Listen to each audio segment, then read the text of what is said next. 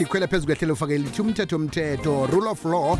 Sikhambisana-ke nojabulano kwamkhanazi osisazi sezomthetho. Yazi khe ngakhuluma uh mnyaka opheleko mnyaka empilo yadlulako khe ngakhuluma nabantu esisebenzisana nabo la kubalingani bethu kubabelani bethu la kukwekwez FM hlangothini-ke eh lemthetho yendlela ngabuza ukuthi kuhle kuhle niqalani nanza kuhlola umuntu ithikithi. Bathi um siqala ukuthi uphula umthetho na?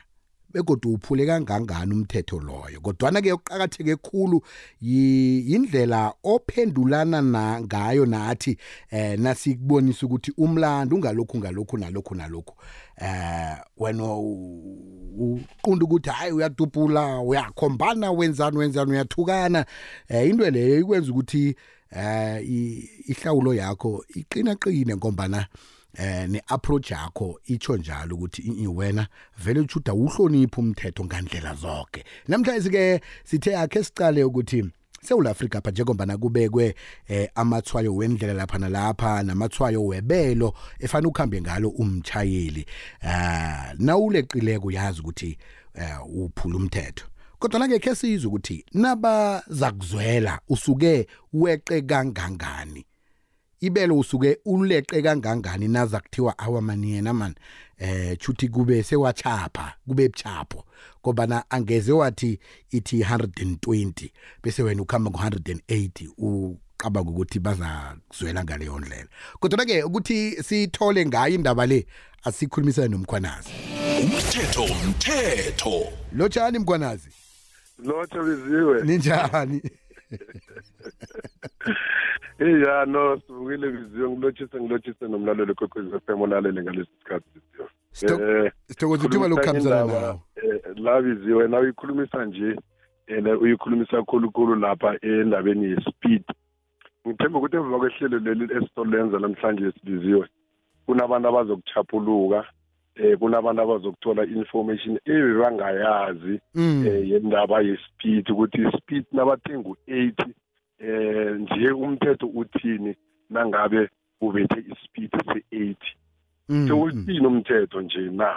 Bazokwazi abalaleli after ihlelo linamhlanje naliphelako siyathokoza mkhwanazi ukuthi ube khona uzosiphandlulula. Vele umbuzo ngotsho njalo uthi umtshayeli uvumeleke ukuseqa kangangani isilinganiso sebelo esibekiweko eh, nakaza kuzwelwa? Namtshana kuthiwe asimzweli weqe khulu. Ya biziwe kunomthetho ovelileko nje emalangeni adlulileko eh oveze khulukhulu ihlangano leya esibiza ukuthi i-ato eh le ethe ekugcineni abantu nangabe mhlambe baphula imithetho yendlela kuzakuba namafine mara amafine immediately apply ngaleso sikhathi bese badosa ama-point nofana amaphuzu kulicense yakho until abeke kufika lapha ku-fifteen. Mara-ke biziwe siyazi ukuthi ku-residential area eh kula i-speed limit esibekwe ku-60 zone eh na ungena endleleni enkulu kube yi-8 nofana yi-100 i-freeway kube yi-120 nje umthetho uthi nanoma ungakalegislatwa eh biziwe siyazi bona umthetho weSouth Africa kodwa kube umthetho otholiweko epasise eparlamente ube yi-legislation. Mara-ke esinawo nje ngokwendlela uthi nangabe i-speed limit sithi 80 kilometer per hour utholakale wena udriver eh u-89 eh kilometer per hour. Awusana fine ozayibhadela akusana fine nofana ithikithi lefine ozalithola.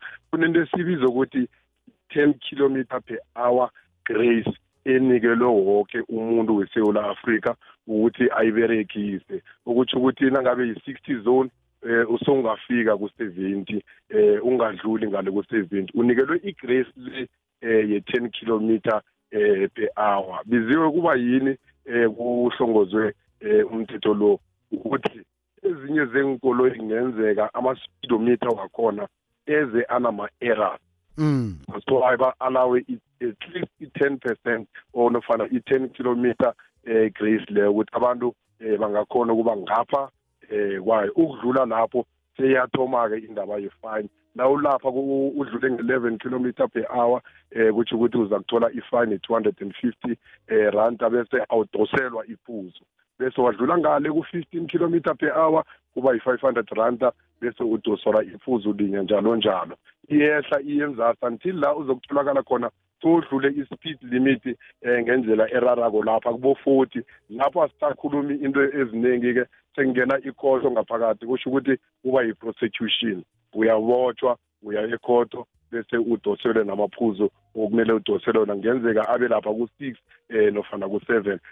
Umthetho esinawo noma ungaka-legislator mara mthetho o-aplayako nje eh ama-motorist ekumele eh bawazi. Biziwe kwesinye isikhathi uthi ukuhamba endleleni uthole bakumisa bathi udlule ispeed. Mara usidlule nge-one kilometer per hour. Mm. beyithi indlela eighty kilometer eh waba ku-eighty-one kilometer. Cala-ke ithikithi lakhona liza kuvela uthola livela liyi-one thousand rand uthola livela liyi-two thousand rand. Kuba unfair for i-motorist ngaleso sikhathi. Zizinto abaziqalileko lokhu abanikela i-grace le ye-ten kilometer per hour.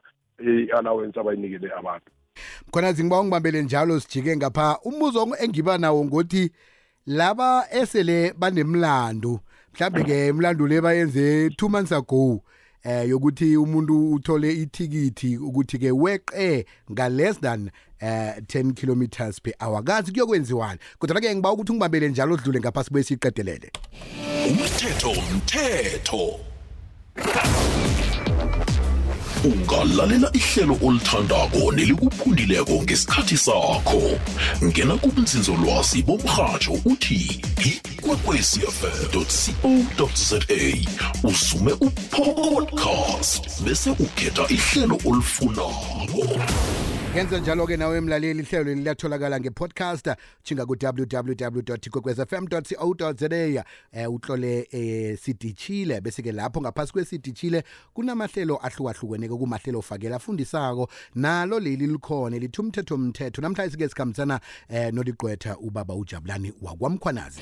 Umthetho umthetho Aha eh mkhwanazi ke laba eh, abanemlando sicoca nje chuthi bona vele sebatshele futhi akunangendlela engacociswana ngayo ukuthi njengoba into le seyibekiwe zwelani nathi?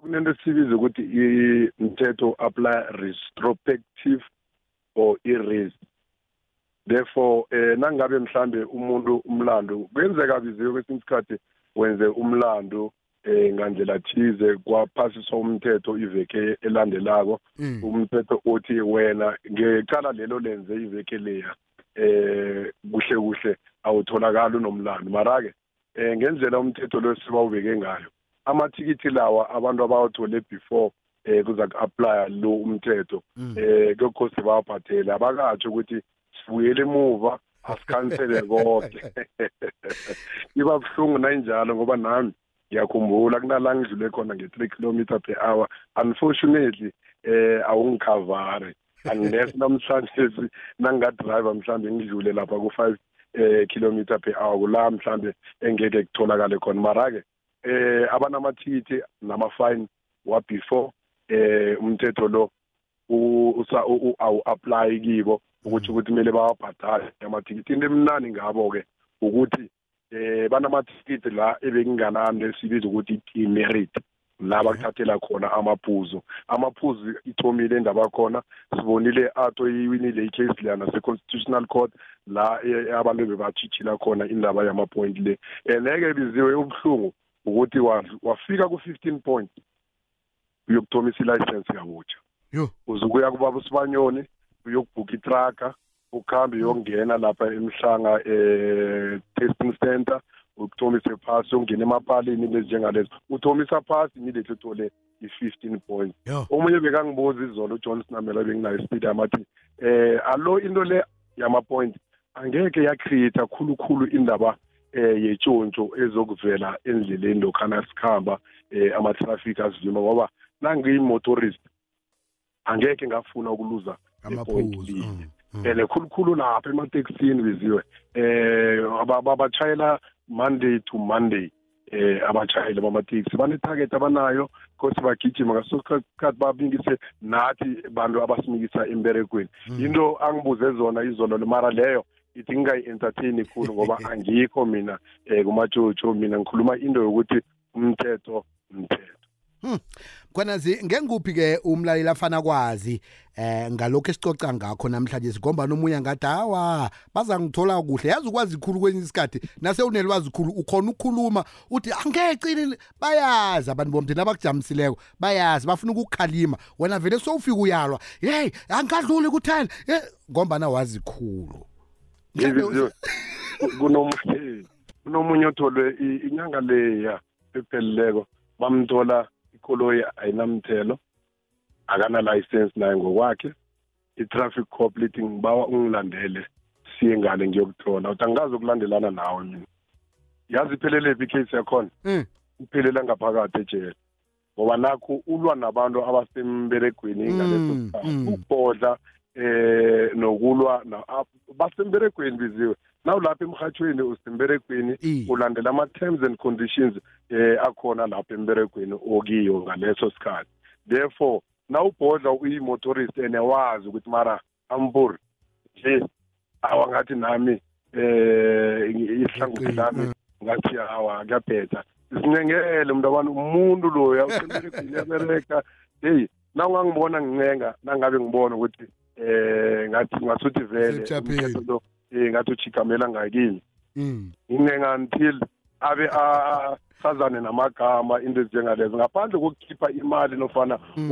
ukusolicitata um ngemali ukukhipha ama-bribe into ezinjengalezo. Umuntu umuntu. And umthetho mthetho therefore abantu nangabe bahlangabezana nama-traffic cop endleleni aba-obheye umthetho and bahloniphe godu khulukhulu umbereko eh we-traffic cop abahlangabezana nalo um ngaleso sikhathi. Ngoba na ubhodla ulazi okukhomba ukuthi yena ungubani ya uzokuveza uzokuveza amandla nawo phezu kwawo uzokuveza amandla nawo biziwe nekugcineni uzokuza kimi uthi unlawful arrest detention ufune ngiyokufunela i-fifty thousand ngizokutshela mina ukuthi ube wrong lapha uchaphile lapha bekumele njani nakanjani ulandele umthetho umthetho umthetho that's why sinehlelweni ukhokhwezi f m.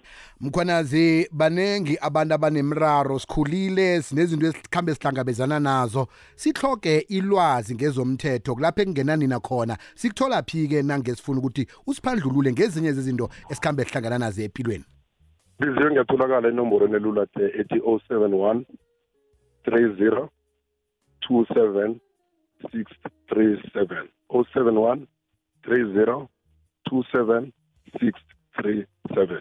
Khwanazi siyathokoza nangesikhathi ezizako kodwa ngitsho. Thokoza mina biziwe sikhulumisana-ke nojabulani wakwamkhwanazi uzweleke mntwana kwethu. Yehla phola mdoko ungatshisi khulu.